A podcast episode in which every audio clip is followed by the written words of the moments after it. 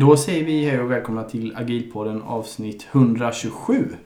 Exakt. Idag ska vi prata om produktutveckling med AI och generativ AI. Precis. Innan vi börjar med det ska vi tacka CRISP för att ni är med oss och gör den här podden möjlig.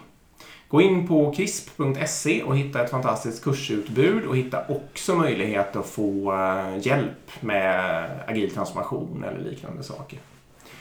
Ehm, ja, idag har vi gäst med oss. Välkommen Nils. Vem är du? Eh, jag är... Ja, du har ju varit med förut förresten. Vad pratade Ja. vi om den gången? Vi kanske börjar... Då pratar vi om, om eh, kanske agila feature-dokument, tror jag vi pratar om. Ja, typ så. Ja. Eh, någonting sånt. Eh, och Men det kan vara nya lyssnare, så kör lite. Ja.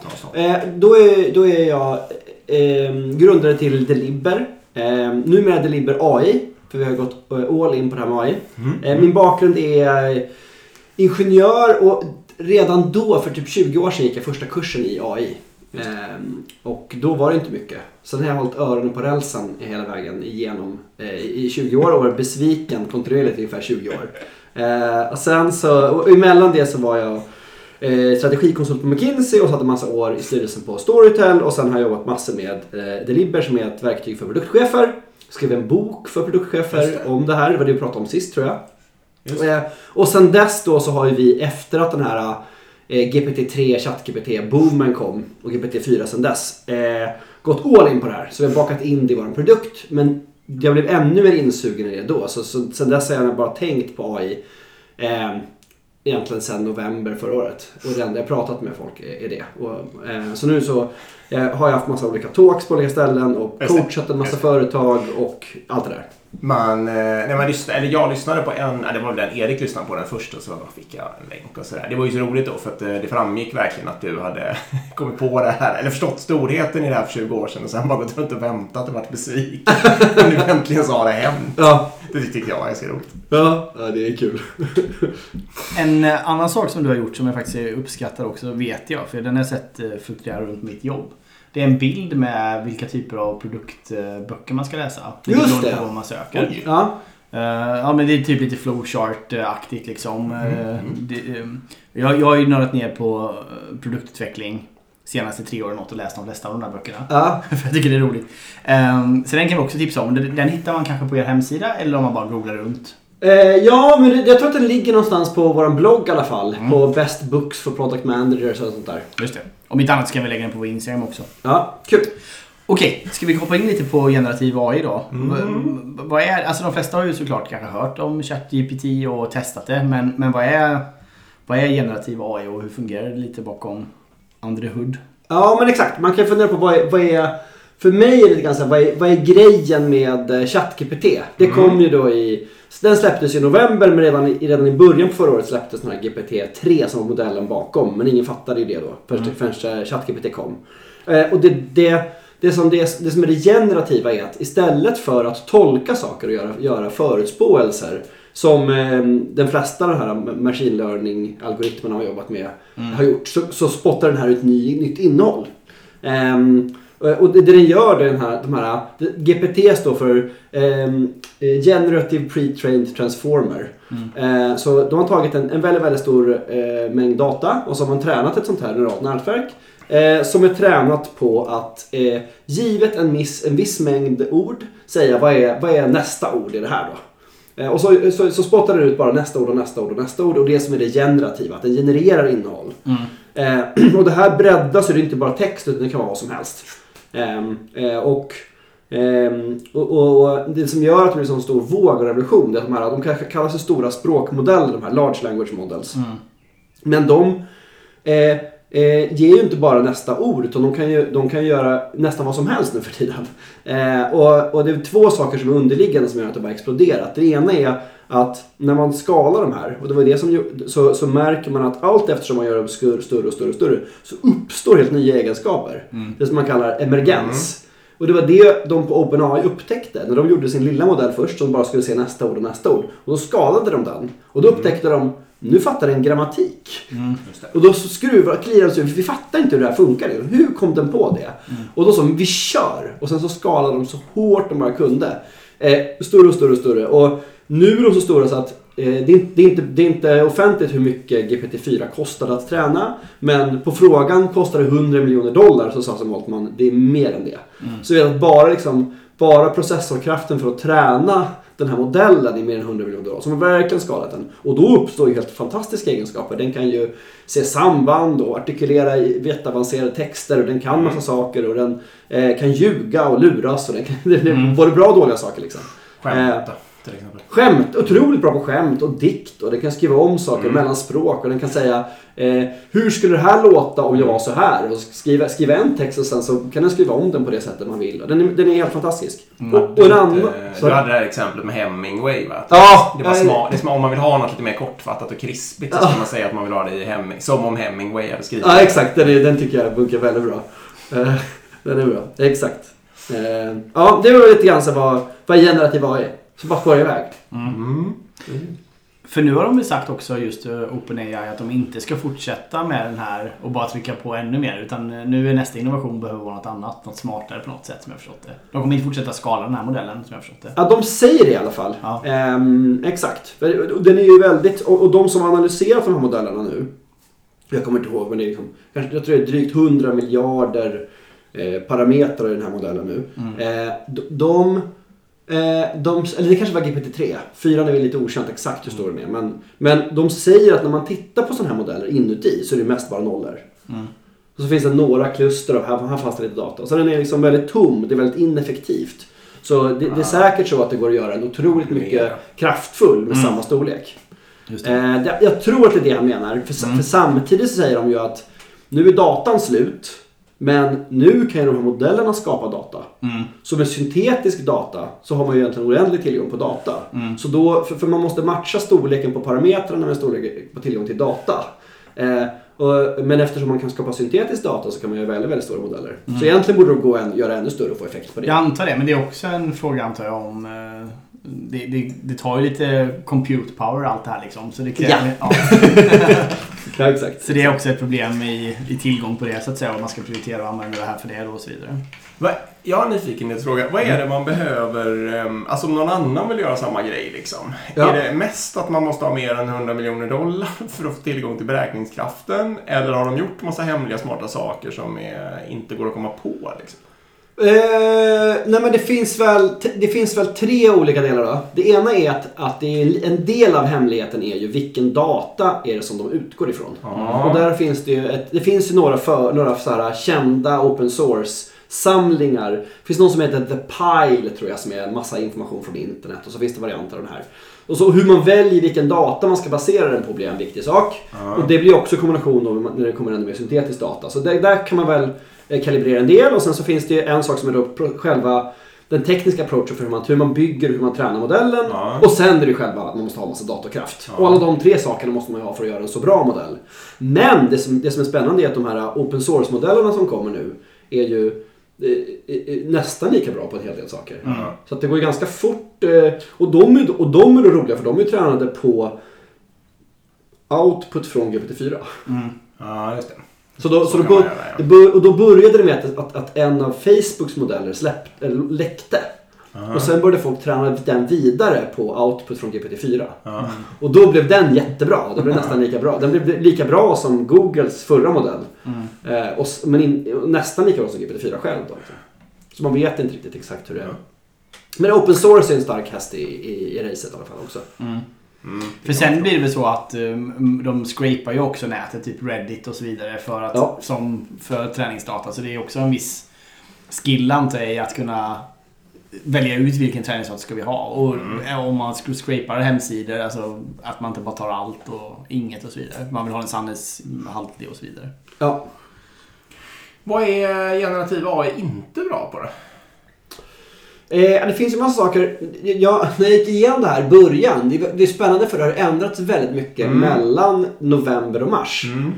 Eh, då var det väldigt begränsat i eh, hur, hur mycket man kunde stoppa in. Det var så här 3000 ord eh, på GPT-3, man fick inte ha mer. Då, då, då måste man vara väldigt begränsad. Sen kom ju GPT-4 som var eh, 25 000 ord och sen nu, nu så har Claude släppt 100 000 tokens, som är kanske 75 000 ord, som är Mm. som, en hel, som en hel bok. Så, så det, det, är en begränsning som, som förut var väldigt tajt men nu håller på att släppa.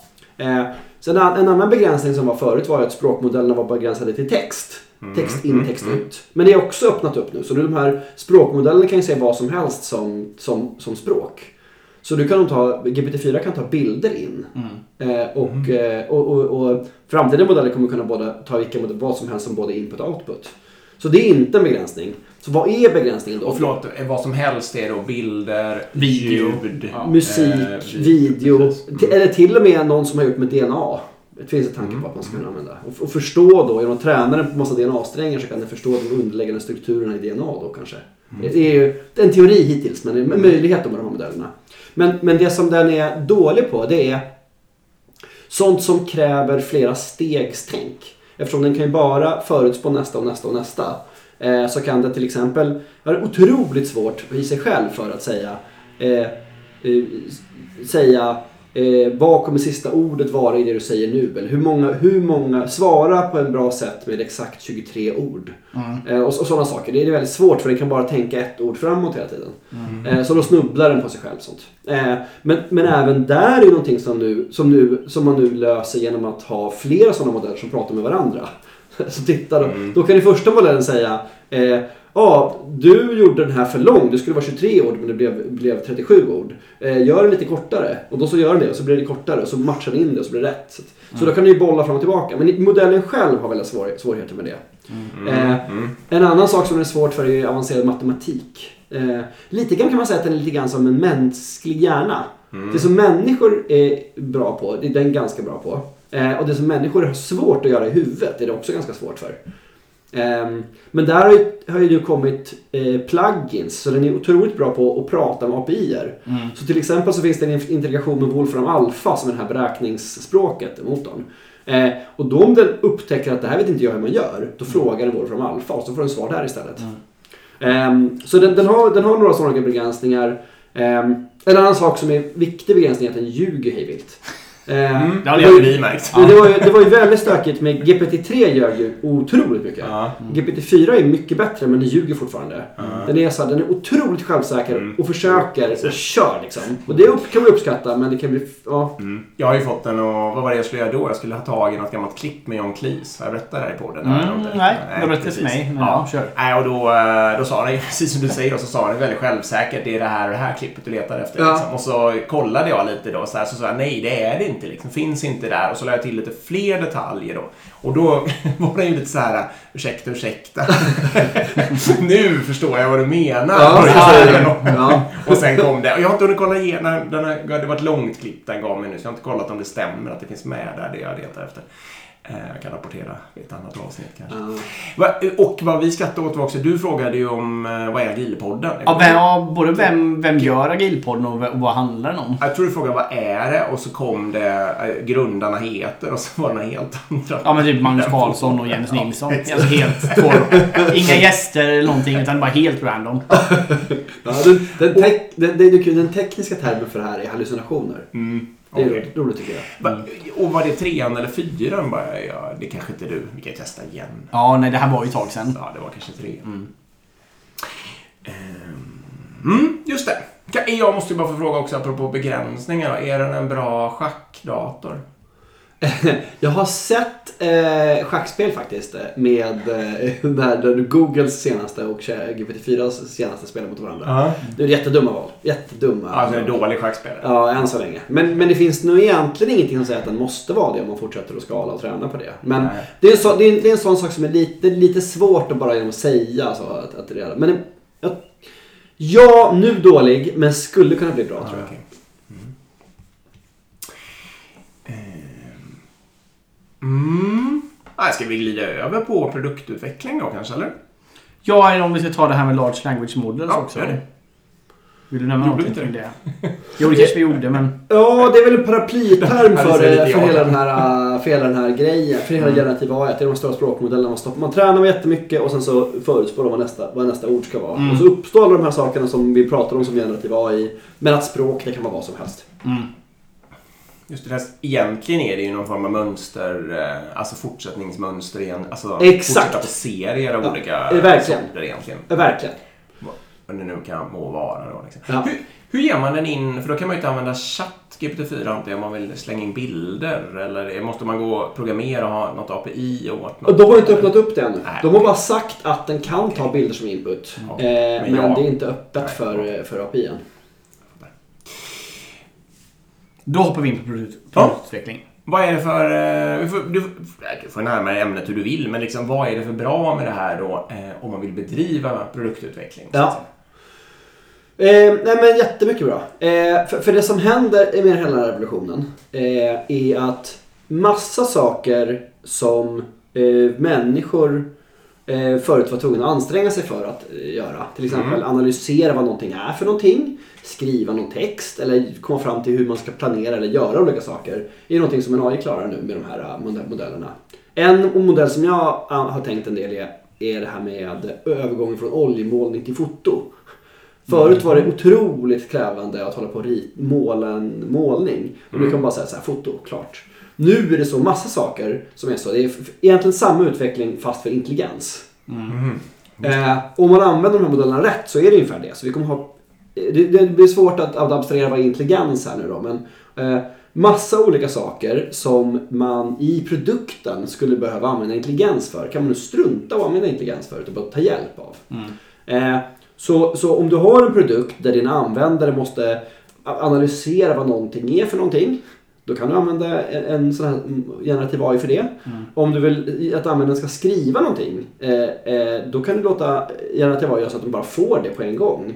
Eh, och om du vill att eh, användaren ska ta reda på någonting eller söka efter någonting. Då är det ofta bättre att göra det med den här eh, generativ AI än att göra det med vanlig sök. Eftersom en bieffekt av den här språkmodellen som förstår så mycket, det är att den bygger upp enorma sådana matriser som betyder saker för den, men som är svåra för människor att förstå.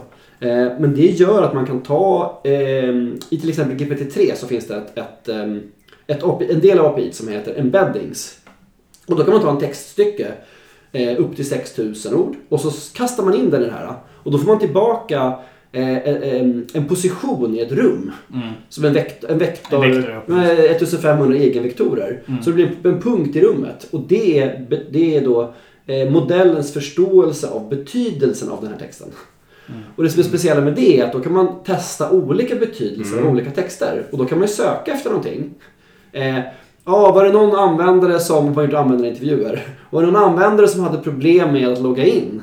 Och sen så tittar man det mot alla användarintervjuer. Och då vet den liksom att om jag hade problem att logga in, det först betyder, men det kanske inte sa det. Jag kom inte in i appen.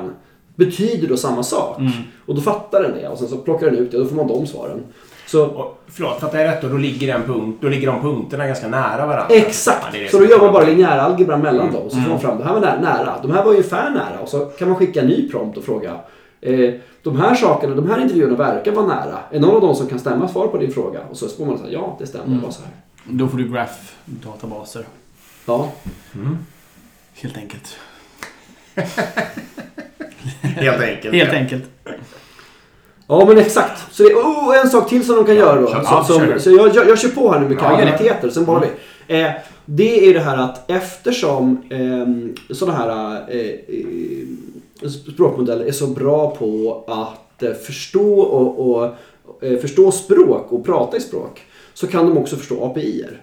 Så om du har en produkt som har några olika API-er och, och du vill att användaren ska kunna interagera med dem. Då kan du säga, då kan du göra en egen version av som ett ChatGPT för dig själv då, för din produkt. Där du säger så här, ja här är de API-erna som finns. Eh, och, och sen så så användaren, du kan du kom på själv hur du bäst ska göra det här. Och då kan användaren säga, jag skulle vilja göra det här och det här. Och då kan eh, språkmodellen själv komma på, ah, om du vill göra det här, då ska jag göra anropet på det här sättet. Eh, Ett sånt tidigt test som folk gjorde, eh, det var att ha, folk har ju så här hem, hembelysningssystem.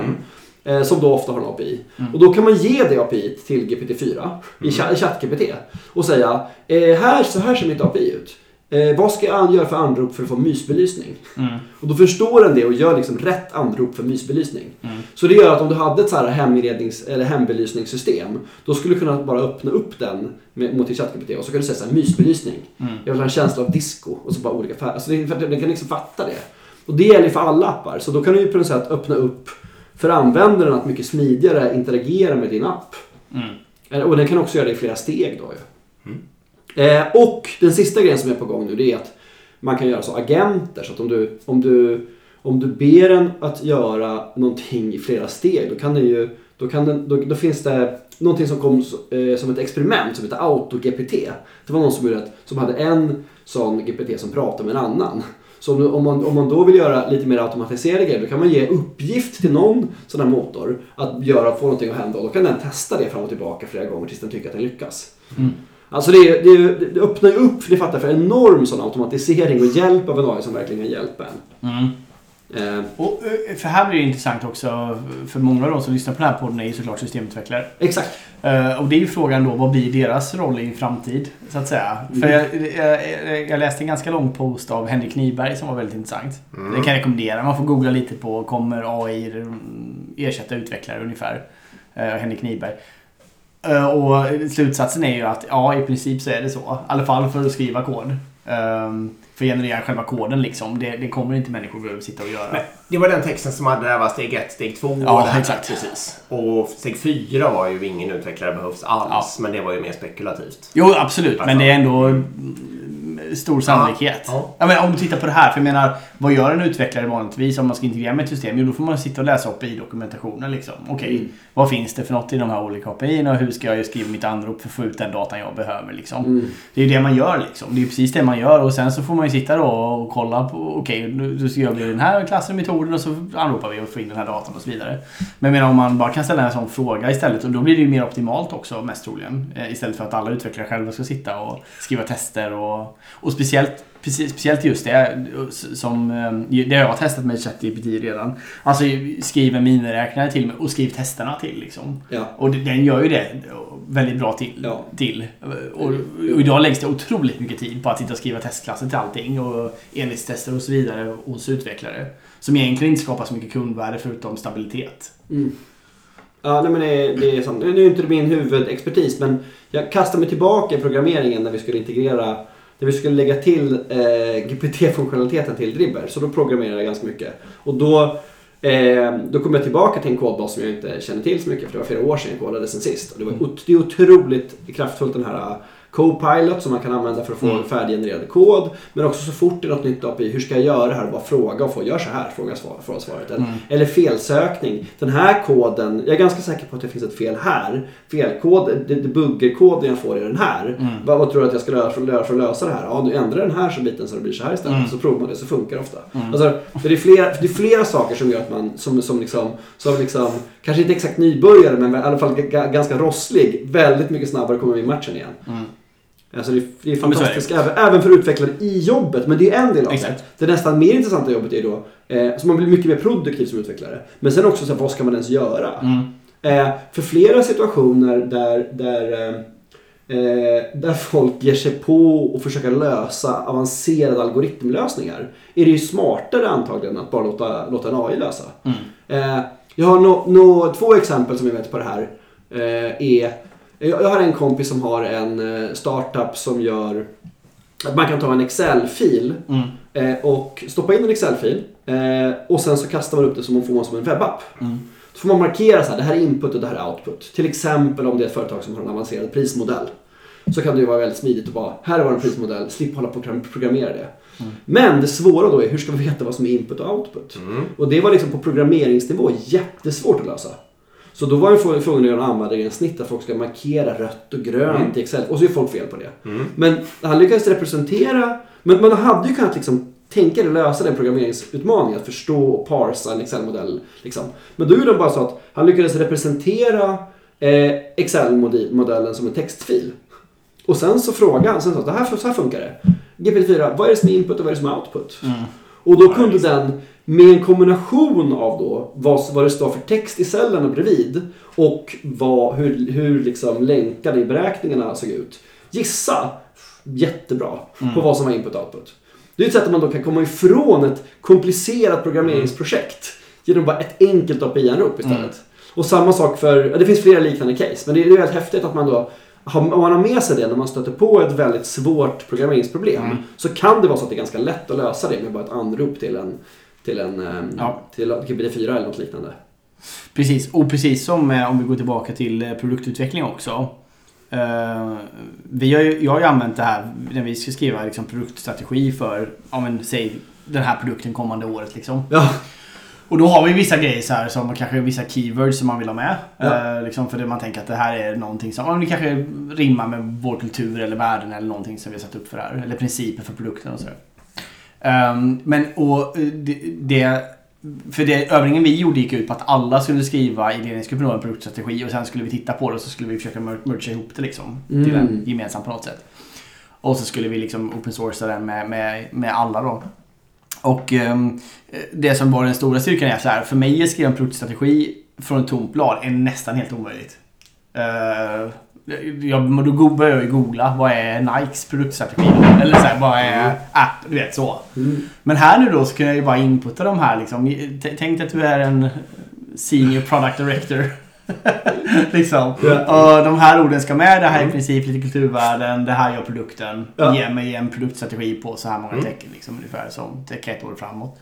Och eh, det som kom ut var ju liksom inte bara så här, okej, bra det här tar vi. Men att börja från det, liksom Yes. den nivån Mm. istället för att Ja, börja absolut. från. Det är där den stora revolutionen finns liksom. För sen så kan jag lägga eh, min touch på det. Radera det som inte makes sense och utveckla det som makes sense liksom. Ja. Eh, och så har man någonting att utgå ifrån. Och det, blir ju, det, det här blir ju helt plötsligt från att bli ett ganska tråkigt projekt blir ju det här superkul Mm. för mig. Eh, Nej, jag, Då är vi, ja, vi gjorde en Ja. strategi på det viset. Ja. Eh, Vi hade väl typ gjort det mesta content.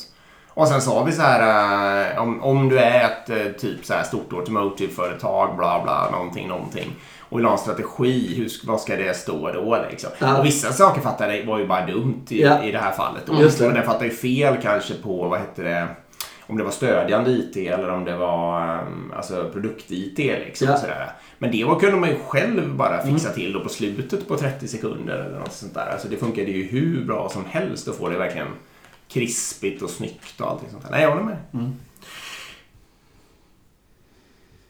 Jag tänkte på någonting. Produktutveckla mig. Jo, det var det. Alltså ni, eh, om man tar till exempel ditt företag. Då. Ja. Eh, då har ni ett konto på eh, OpenAI där ni liksom använder ChatGPT 4. Eh, Ja, precis, det kan man säga. Ja. Och används det i realtid av er produkt?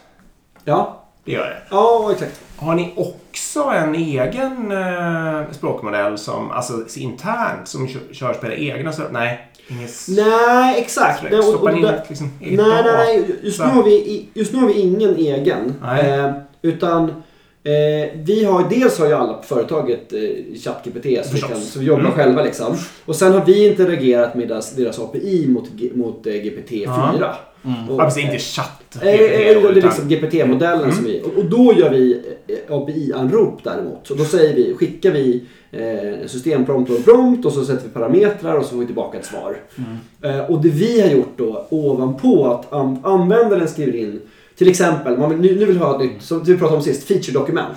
Då säger användaren bara, eh, om jag vill ha en ny feature för att man ska kunna eh, bara säga att jag vill blinka till höger på, i bilen och så ska den blinka till höger. Mm. Ja, ehm, och så ska det funka så här och så här säger man. Och då, så skick, då, tar man, då tar vi den och så stoppar vi in den i en mycket större prompt där vi har förberett. Tänk på att eh, fundera på riskerna på det här och det här sättet och tänk på lite use case. Och det, vi fyller på med en jättemassiv prompt som gör att det här blir, nu ska du få ett bra feature-dokument tillbaka.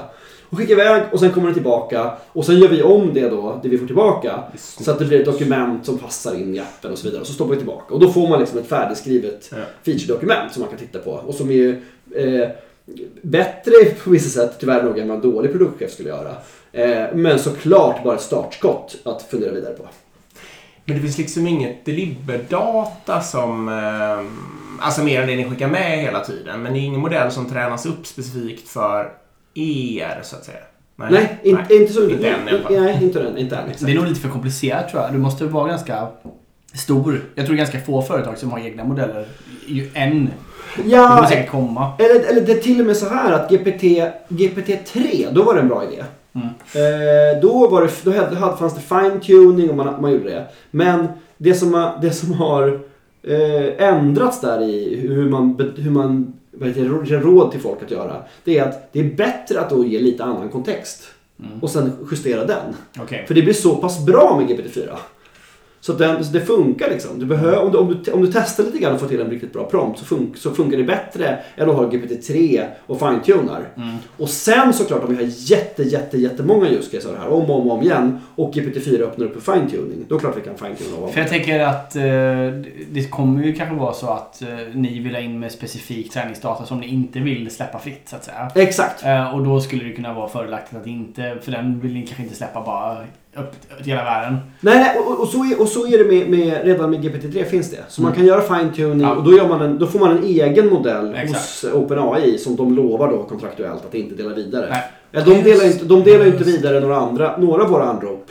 Nej. Eh, lovar ju de att inte använda i, i, sin, eh, i sina modeller. Nej. För att ni är betalande För att vi är betalande kunder. Mm. Så det är egentligen så kan man lita på OpenAI, det är samma sak kan man lita på Google. Google Ja. eller i vilka liksom cloud-plattformar man ens har. exakt. Liksom. Kan man lita på Delibber? Ex- eller kan man ens lita på oss? Exakt. exakt. Liksom, Men hur blir det för just på, om vi tar och hoppar över i det här med eh, AI-genererad eh, art, alltså konst. Alltså Mm. med bilder och sånt.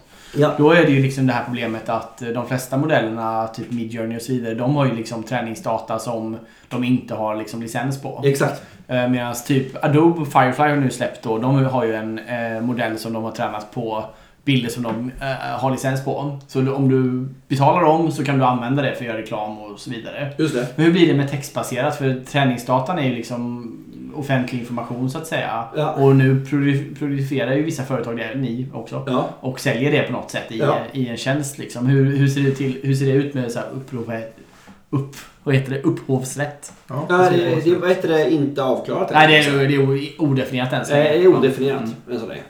jag förstår det. Eh, Och det är väl en, det är väl, det är väl en, en, eh, en diskussion som måste få löpa igenom liksom demokratiska ramverket och eh, lagstiftning och hela... Ja, för det blir ju... Det, jag tror i den här bildexemplet så var det ju någon som förstod att sin bild som den hade tagit någon gång har varit med och tränat vissa modeller. Ja, det var ett extremfall. Det var så här Getty... Ja. The Getty Images stod det på liksom shortset på en gubbe som var genererad av typ Midjourney tror jag. Ja, Och det, då var det så här, det här, måste, det här kan inte ni... Det är ju uppenbart att det är tränat på vår bild här. ja, exakt. Och då blir det så här, okej då, då kan vi stämma er. Ja. För, alltså, och ni har genererat 10 000 bilder med din, alltså sådär. Ja. Och det används i kommersiellt syfte. och så- Det blir ju snabbt komplicerat det där. Ja. Och det där har ju inte riktigt eh, fixats än. Liksom, Nej. hur det ska Men funka. det är också väldigt svårt att veta hur man tagit fram en bild. Ja, men visst. Text går ju inte... Det, text är ju bara texten. Det går Ja. inte alls att veta. Bilder nästan omöjligt också. Ja, ja. ja visst, absolut. Ehm, men... För det kan också bli en... Om man trendspanar lite då och tänker så här liksom, okej vad kommer bli värdefullt i framtiden? Då känns det så här att liksom... Idag så är ju liksom open source och dela med sig av information det naturliga. Eller hur? För det är liksom så. Det, det, det har revolutionerat och man kan hjälpa andra och så vidare. Men jag, jag tror ju delvis att det kommer bli att företagen kommer behöva sluta sig mer och mer. Att inte ha grejer i open source, att inte dela med sig av saker, att Mm, inte kanske. låta sin data Kanske. bli träningsdata för stora modeller. För att det kan skapa då liksom en... Att då, då kan man istället träna sin egna modell med sin egna data. eh, och, och på så sätt ska, skapa sig konkurrensfördelar liksom. Mot andra Mm, företag. mm. Just det, för en, an- eh, för en, anledning, en anledning att eh, folk har kört open source, det var ju för att man har tänkt så här, ingen kommer fatta det här ändå. Mm. Det är ju inte sant längre. För Nej. Nu, kan, kan vem som helst bara skicka en AI på eh, open... Jaha, vänta nu. Android, open source. Hur funkar det här? Hur skulle jag kunna göra det här istället Mm. om jag vill ha det här? Det är, ju- gick ju knappt i, det, i praktiken förut, men nu Nej. är det mycket lättare. Ja visst. Ja men absolut. Så, så jag kan tänka mig att det blir... eh, Att det kan bli så. Eh, jag har en... Eh, jag, det var så många tankar i mitt huvud här så jag att göra lite kort lista. Men bara för att kolla att jag fattar rätt här. Delibers mervärde i hela det här är egentligen att ni förstår produktchefernas situation och ni förstår AI-tekniken så ni liksom kan göra det här tillägget. Är det som är det? och att det är integrerat i en produkt också. Ja, det är inte helt självklart. Ja. Men det är en intressant fråga. Hur kan, hur kan man då eh, göra, differentiera sig i en värld när det här plötsligt Ja, kommer? Man Ja. skulle ju kunna köpa ett konto på eh, GPT-4 så att säga. Ja, Ja.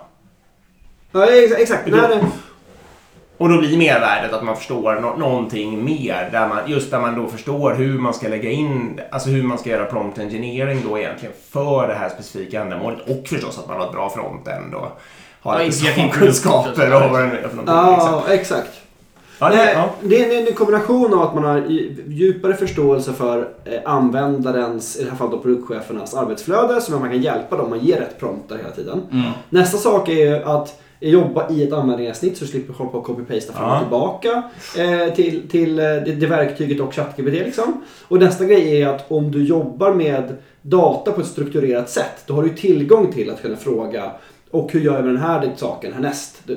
Istället för att eh, behöva pasta in all, all kontext hela tiden. mm. Du, har med, du, har liksom, du är liksom riggad med rätt kontext hela tiden du ska gå vidare. Så det finns några olika sådana saker som jag tror att är, är även applicerbart på andra produkter. Mm. Hur man kan differentiera sig och bli bättre i ChatGPT. Eh, Precis. Borde ni inte använda ChatGPT för att hjälpa till att göra prompten bättre? Absolut. Ja. För det, jag vet att jag experimenterade med det där just för att göra... eh, Vi skulle generera bilder för en viss produkt liksom. Eh, och då gjorde vi just att vi tog liksom metadata kring objektet vi skulle göra en bild till. Och skickade in, men det blev ganska kast så här. Men sen tog vi metadatan, skickade till ChatGPT och bad den göra en prompt engineering på metadatan. Ja. Och sen gjorde vi en bild. Och det blev ju en drastisk förbättring. Ja. Eh, Så jag tänker, det borde också kunna gå att vi kan ta användarens input ihop med er kontext och sen skicka in ChatGPT och be den göra en bättre prompt Ja, av det. Ja. liksom på något sätt. För sen, är helt så. ja. Ja, coolt. En annan teknisk fråga. För att om man tänker sig ett, ett svårt... Jag pratade om schack förut. Men om man tar sådana andra svåra problem. Typ exempel självkörande fordon eller farkoster. Ja. Skulle man kunna använda chatt, eller alltså en språk AI, en språkgenererande AI eh, för att trä, alltså för att skriva, inte vet jag, för att skapa det datorprogrammet då kanske som eh, blir styrsystem för ett självkörande, en självkörande farkost.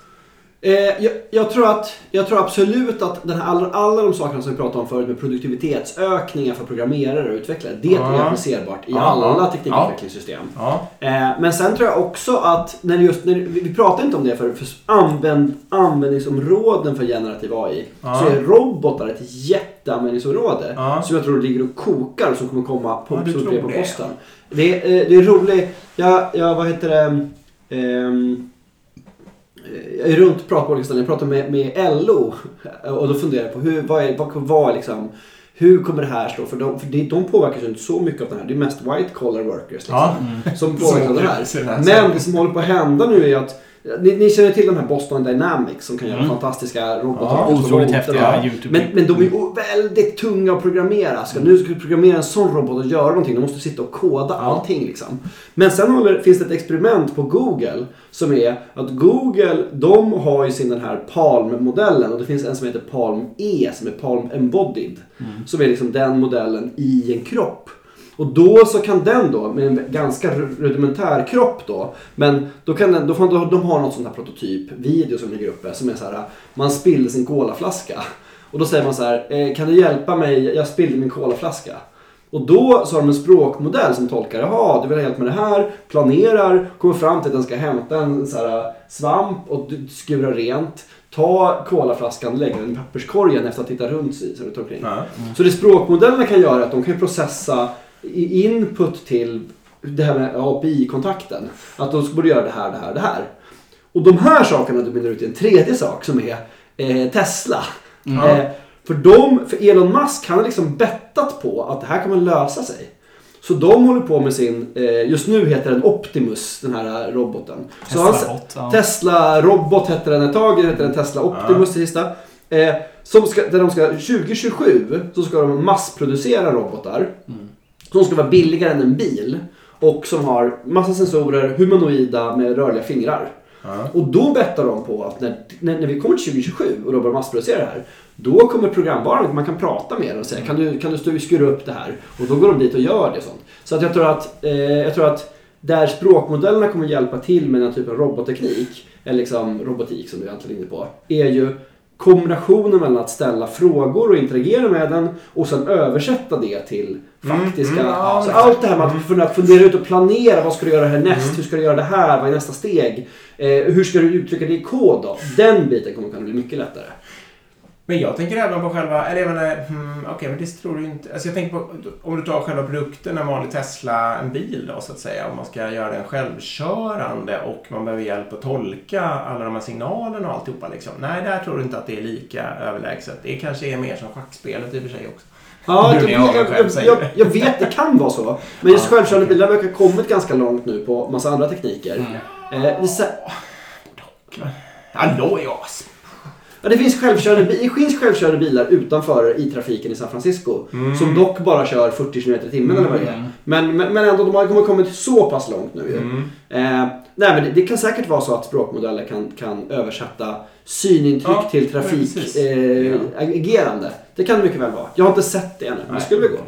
Men de här eh, robotarna är ju otroligt coolt alltså. Alltså de här Tesla-bot och... Ja, det, det, är ju, det är ju mindboggling. Ja, det är det verkligen. För det innebär ju egentligen att man... Alltså, tänk dig sätta sådana och för att programmera till exempel. Eller göra fysiska saker som att bygga saker eller... eh, eh, ja, vad som helst. Diska, städa, ta hand om... Ja, det är otroligt bra. Skulle kunna vara som har värsta industriroboten, bara det att man kan sätta den på precis vad Ja, som helst. Med noll in, eh, omställningstid eh, Exakt. Ja, de har som slo- slogan att vi, vi, de har gjort den för att motverka arbetskraftsbrist i hem och industri. Ja, ja, bra. Men, Frågar jag för mycket nu eller? Nej, kör mig. Jag har nästa är med en konstnärlig fråga då istället. Eh, om man tänker sig då att de, eh, det, apropå det här som liksom med bilder och musik och sånt där. Liksom, det, tror du att jag så här om, eh, om liksom två år så kommer jag tycka att Beethovens femte symfoni bara är skit liksom för att det finns så klassisk musik som är så eller oklassisk musik, eller kalla det vad du vill då, men som är helt beyond det liksom, som är AI-genererad. Eh, alltså jag vet inte. Det, det kommer säkert finnas eh, klassisk musik som är helt beyond Beethoven. Men jag tror att det här att det kommer ifrån en människa kommer uppvärderas. Ja, jo, Så det kommer du, det är lite grann som att eh, eh, du, kan, du kan se en superavancerad eh, bild som är gjord, genererad av en dator. Så vet du att den är genererad av en dator och så Ja. jämför det med någon som har målat. Då Ja. tycker du målningen är coolare på vissa sätt. Ja, det kan jag tycka. Det kommer finnas kvar tror jag. Jo, det kommer det förstås göra. Men du håller med om att det skulle kunna vara som att alltså man, om man tänker sig att man Alltså man jämför Beethovens femma med eh, någon eh, stenåldersmänniska som står och klonkar på en trästam så skulle Ja. det kunna vara så att jag om, om några år tycker att skillnaden är lika stor upp till något AI-genererat verk. Liksom. Eh, Ja, och, men, men då tror jag, då tror jag ett, en, en annan liknelse är ju att jämföra Beethoven med Avicii. Så Ja. Avicii använder ju otroligt mycket teknik i sin musikgenerering. Så då, då tror jag nästa steg då kommer vara liksom att ja, om vi spårar fram 10 år, Avicii om 10 år. Mm. Det skulle vara en person som var otroligt musikaliskt och tekniskt begåvad och som lyckas använda AI för att skapa fantastiska musikstycken som också spelar an på oss väldigt bra. Men det intressanta här är ju också att det här kan ju skala till en helt annan nivå. Så jag menar för, Ja, det- alltså om du tittar på Coldplay till exempel eller Ed Sheeran. De släpper ju 12 låtar och så gillar du inte de 12 då, då är det bad luck liksom. Men jag menar här skulle man ju kunna ha att Ed Sheeran kan göra en miljard låtar. Mm.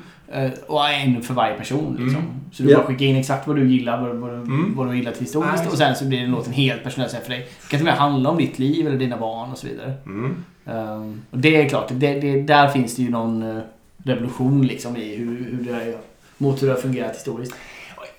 Jag vill bara tillägga då, om jag ska halvsvara på min egen fråga i och nu när jag hörde dig säga det, att jag gillar ju både Avicii och Beethoven eh, och det är på lite olika sätt, så det kan hända att det är det som kommer vara svaret i och för sig.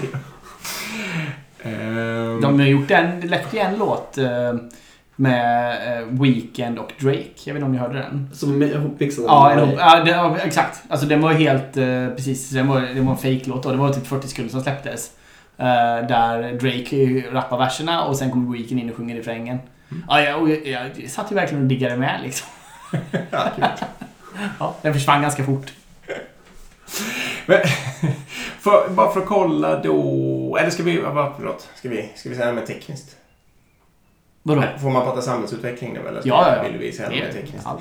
Nej men eh, är det... mm, eh, Har du någon uppfattning om det är själva den här som alla funderar på hela tiden? Så kan den bli ond och kan de... Mm. eh, Alltså kan den ta över utplåna mänskligheten och de här frågorna? Eh, Ja, alltså jag, jag är ödmjuk. Eh, så jag tänker att det kan vara så att det är jättefarligt och det kan vara så att det inte är farligt alls. Ja. Det finns ju personer som är väldigt insatta som säger båda sakerna. Mm. Eh, och jag tänker att om det är så Eh, Så länge man inte kan avfärda risken att det blir, att det blir eh, Skynet-scenariot liksom, Mm. Ja. så är det väl värt att vara ganska försiktig.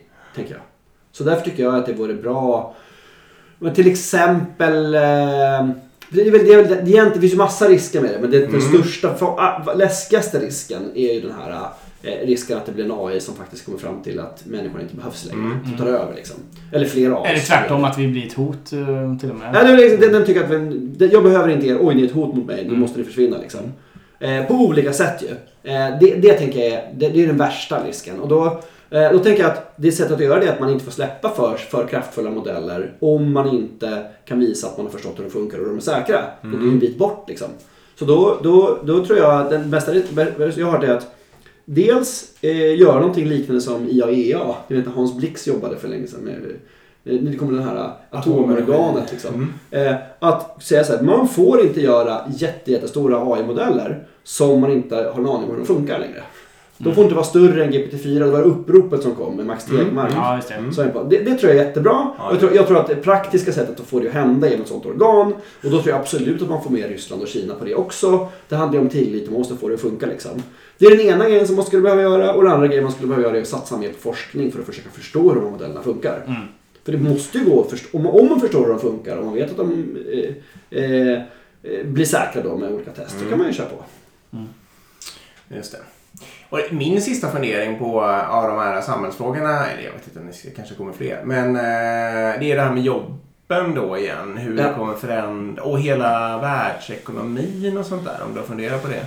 För det är ju sant då att om man eh, plötsligt behöver eh, Ja, men säg att man plötsligt här inom ett år bara behöver en tiondel så mycket eh, systemutvecklare till exempel. För att, för att göra samma mängd outcome till exempel. Då. Ja. Då skulle man ju kunna ta tio gånger mer outcome eller samma mängd och så blir 90% arbetslösa eller vad som helst däremellan. Liksom. Ja. Eh, har du funderat på det? Ja, mycket. Du, ja. Nej, men det, men det är roligt. I, nationalekonomi finns ju ett begrepp som heter elasticitet. ja. Som är det, hur, hur förändras efterfrågan när priset ändras? Mm. Och det som händer om man blir mycket mer effektiv i realiteten är att priset sjunker. Mm. Och då är frågan, antingen så är det så att man bara behöver precis lika mycket ändå, det är helt oelastiskt. Eller så är det väldigt elastiskt. Jag tror till exempel att programmerare är ganska elastiskt. Det vill säga, om vi får tillgång till mycket mer programmerare, då är det mycket mer programmering som vi skulle ha gjort. Mm. En annan sak som jag tror är elastisk är psykologer. Det kommer vi vilja ha mycket mer psykologtjänster när de blir mycket mer effektiva. Mm. Läkare också ju. Mm. Eh, sen till exempel sommarhus. Eh, det eh, kommer ju bli otroligt mycket snabbare att göra ett bra sommarhus. Eh, vi kanske inte kommer behöva bygga tio gånger så mycket sommarhus. Eh, så då antingen kommer vi vilja ha sommarhusritningarna väldigt mycket bättre. Eller så kommer många av de personer som ritar sommarhus idag behöva tänka till på att göra något annat. Eller hitta, hitta så. Mm. Just det. Så det kommer vara så. så i, I vissa fall så kommer man inte behöva så mycket mer och i vissa fall kommer man vilja ha mer. Men det är väl precis så det jag menar. Vi har ju, det har ju skett eh, stora saker historiskt också. Ja. Mm. Och det är ju inte, det är ju sällan det slutar med att eh, 50% av, av mänskligheten sitter arbetslösa. Inte efter en liten stund, nej. Men eh, just när det smäller till så går det ju så ibland. Liksom. Mm. Ja, Eh, Mm. Ja, men jag tror det är ganska stort. Jag, tror, min, min, min, jag är ödmjuk igen för hur det kommer slå. Men min känsla är att antagligen så kommer det bli ganska, en spike i arbetslöshet. Jag vill förvänta sig. Ja, du Mm. tror det? Ja, det Okej, och sen kommer det justera om sig? Kanske. Mm, okej. Kanske. Det beror på hur, hur fort modellerna blir bättre. Det kan ju vara så att de fortsätter att bli bättre och bättre och bättre. Ja, det är precis. Om man antar att... För att det är, mm, precis, och det är som är läskigt också. Men om man antar att man eh, som input... Att man kan använda modellerna för ny input till modellerna så att säga. Ja. Då borde de ju kunna bli exponentiellt bättre så länge det finns datorkraft att, att skapa dem med egentligen. Ja. Eh, och då, borde, mm, då, då skulle man kunna, antingen skulle man kunna tänka sig att man mättar behovet av utveckling men man skulle också kunna tänka sig att man bara tar lite nya höjder och allt. Men jag, Ja. jag, för jag ser på utveckling som egentligen är det ju bara en förmåga att kunna ett språk. Alltså precis som att, eh, liksom, att en dator skulle vara Spanien och jag, är, jag kan spanska. Mm. Och du måste liksom ha grejer från Spanien. Mm. Och då måste du prata med mig på svenska och så får jag prata med spanska Mm, med spanjorerna och sen kan jag leverera tillbaka. Lite så är det liksom. ju. Men Mm. Det är lite, samma, det är lite så programmering är på ett sätt. Mm, Att vi tar Delvis ja. Ja, precis. Så vi får ta liksom... eh, Och det, det, problemet är nu, eller det som... eh, Både problemet och möjligheten här, det är att nu kan du prata direkt med Spanien istället. Mm. Du behöver inte mig längre Nej. och sitta där och översätta liksom. Eh, Utan du kan på en gång prata... De lär sig svenska eller du lär dig spanska. På något sätt. Och det är det som gör liksom att alla kommer kunna programmera oändligt. Både, Google har ju sagt upp vad är det, 10 000, tusentals utvecklare Mhm. i vågen av det här. Så de tror ju uppenbarligen att utvecklarna inte kommer behövas lika mycket. Att det kommer finnas en sån effekt. Ehm, För det är ju samtidigt också, det är ju inte bara, alltså en, många utvecklare har ju också någon form av, ehm, vad ska man säga, de förstår ju hur maskiner funkar rent allmänt och hur, alltså såna här, hur komplexa system fungerar och hur Ja. man ska bete sig när man Mm. Har många informationskällor och ja, massa sånt där, ditten och datten liksom. Och allt det försvinner, ja det kan det göra på sikt, men det försvinner inte i ett nafs. Nej, nej, men det är det inte. Nej. Nej, jag håller med. Jag tror, jag tror Spanien-analogin är, den, det är en bra analogi men den bär ju inte hela vägen. För, för då, då måste du, så här, är du en vinimportör här, då måste du också veta hur Mm. liksom, olika kvaliteter på jord och liksom, Mm. vad är regnsäsong, meteorologi. Du måste, du måste kunna ganska mycket grejer. För du måste ju, det är ju inte bara skriva kod, du måste också veta vad, vad effekten blir på hela Ja, systemet. absolut. Och liksom performance och vad är, vad är Ja. buggar. Massa, det är massa grejer som inte är helt gratis. Mm. Men Absolut. absolut. Ja, Eh, jag hörde i, ja, precis, jag hörde i en, två saker jag hörde i en annan podd nu då. Och det är en sak idag, vi kan rekommendera den. Ehm, den första saken eh, är ju att eh, Snapchat har ju släppt en generativ AI till alla användare. Gratis. Så att eh, alla som använder Snapchat har högst upp i sin vänlista eh, med My AI, tror jag den heter. Man kan döpa om den. Ja, såklart kan. helst. Ja. Ehm, men där finns den och där kan du då bara gå in och, och ställa frågor. Och sen då, det som är, man tänker då att generation Z, 83% av dem har Snapchat. Så vi har ju en hel generation nu som mer eller mindre växer upp med det här i sin ficka varje dag. Alltså barn använder redan det här liksom, full, Mm. full Min skala liksom. dotter frågade om vädret tror jag i morse. Liksom, till exempel, Ja. Istället för att använda någon vanlig SMHI väderapp. liksom. liksom. Ja, precis. Ja, och, och jag, jag har ju sett också ehm, barn som använder det liksom för skolarbete, fråga om, ja, och så vidare. Eh, så det är en liten spännande tanke ändå. Vad kommer det ha för impact på 5-10 års sikt liksom? Eh, och vad tror du om det? Ehm, så- så omedelbart så tror jag att eh, alla skolor måste sluta med inlärningsuppgifter.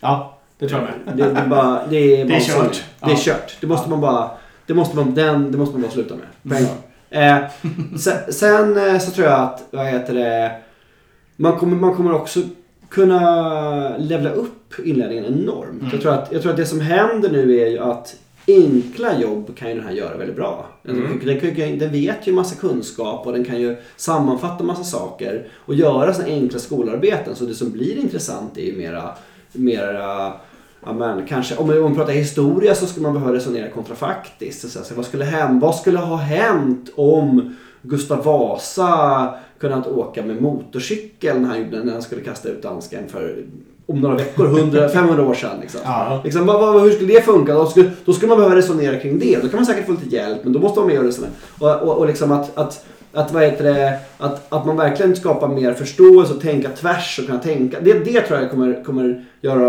eh, att folk kommer få mycket bättre utbildning. Mm. Eh, det är en sån sak. Sen kommer man få mycket man kommer personlig utbildning. Mm, en sak som redan går idag är att man kan ta en massa kapitel från en bok, klass, klistra in i ChatGPT och säga förhör mig på det här. Mm. Du är min, you are my tutor, för, Mm. förhör mig på det här. Så får man massa frågor och så hjälper den till en. Och så.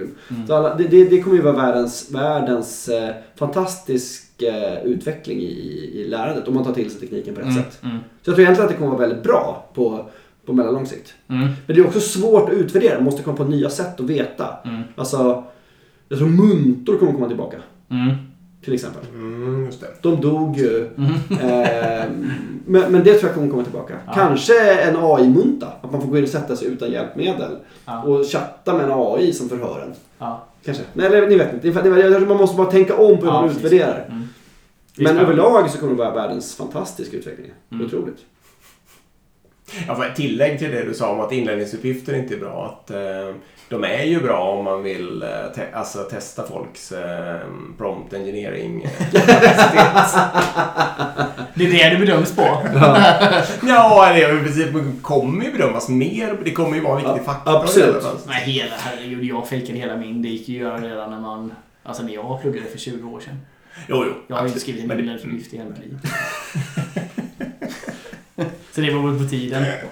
Ehm, och precis det andra han nämnde också i den här podden, det var hissoperatörerna i New York. Ehm, du har hört det kanske, just eh, att de blev ju redundanta. på ett, ganska fort. För helt plötsligt kom... För folk var otrygga först och de ville ha en hissoperatör. Liksom. Aha. Och det finns extremt många hissar i New York. Då, så jag Ja. kommer inte ihåg hur många 20 eller 100 000 det var som jobbade som hissoperatörer.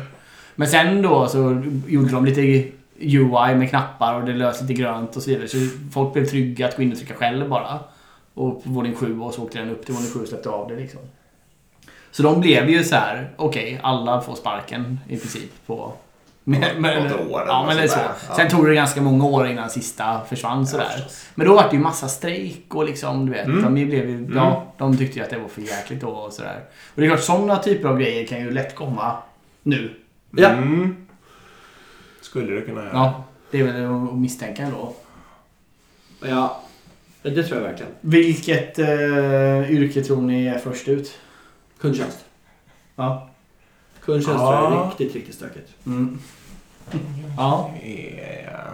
För den är väldigt bra på att göra exakt det. För en, en, en, det är en kundtjänst. Det, det, det finns där någon, en, en vidareutvecklad teknik som heter LangChain som många använder nu. Som är att man kan ta massa, massa dokument, lobba in dem i det här rummet och sen så har man en fråga och så testar den och så hämtar den ut och sen så tar den flera svaren som ligger närmast och sen så tar den frågan och så formulerar den svar då som motsvarar frågan plus de här närmaste svaren som finns i databasen och ger ett svar. Och det är ju väldigt likt vad många kundtjänstarbetare gör. De kan ju mycket men sen går de och tittar, vänta var i våra hjälpcenter dokumentation finns det svaret på den här frågan? Här, här, här. Ja, vänta, det vet jag vad. Ja, då är det så här det gäller. Och så läser de det, förstår det och så svarar, svarar de på ett bra, artigt och trevligt och bra sätt. Det, det, det, är ju det är det är, inte ett jätteenkelt jobb, men det är ett jobb som just, just, just den här dagen är väldigt bra på. Mm. Ja, spännande. Kan man, eh, kanske jag borde ha fattat det från allt vi har sagt. Men kan man alltså ta i all sitt företags dokumentation och så, så träna in det på GPT-4 på sitt eget, alltså på företagets eget, vad heter det, aria där. Ehm, och sen blir inte det tillgängligt för någon annan, Ja. men man kan ha det för till exempel kundtjänst. Ungefär så. Ja, det går ju. Mm. Ja, det var väl egentligen är det snarlikt ert användningscase kanske faktiskt när jag tänker efter. Ja, ja. Det kan, det Men, kan men, men lite ändå, ny- ändå nyans att man inte tränar den då. Utan man bara, man bara dokumenterar den på det sättet. Mm. Men det är... Jag vet inte om vi Okej, går- går in okej. exakt i okej. där. Okej. Ja, men det kan i alla fall leta i hela... Exakt, den kan leta väldigt bra bland allt den här dokumentationen Mm. då. Och äntligen får vi bra intern dokumen- dokumentation på företagen också. Äntligen! Fy fan alltså. En De här confluence och all skit som finns alltså. Det är helt hopplöst. Finns på all, alla företag har också strategin att men all, all information på en plats. Men vi har sex system och lite Google Drives och skit. Lycka till och hitta det du söker. Ja. Okej, vi kanske ska runda där. Det är en timning. göra. Mm. Blir det någonting mer du vill nämna? Eller puffa för?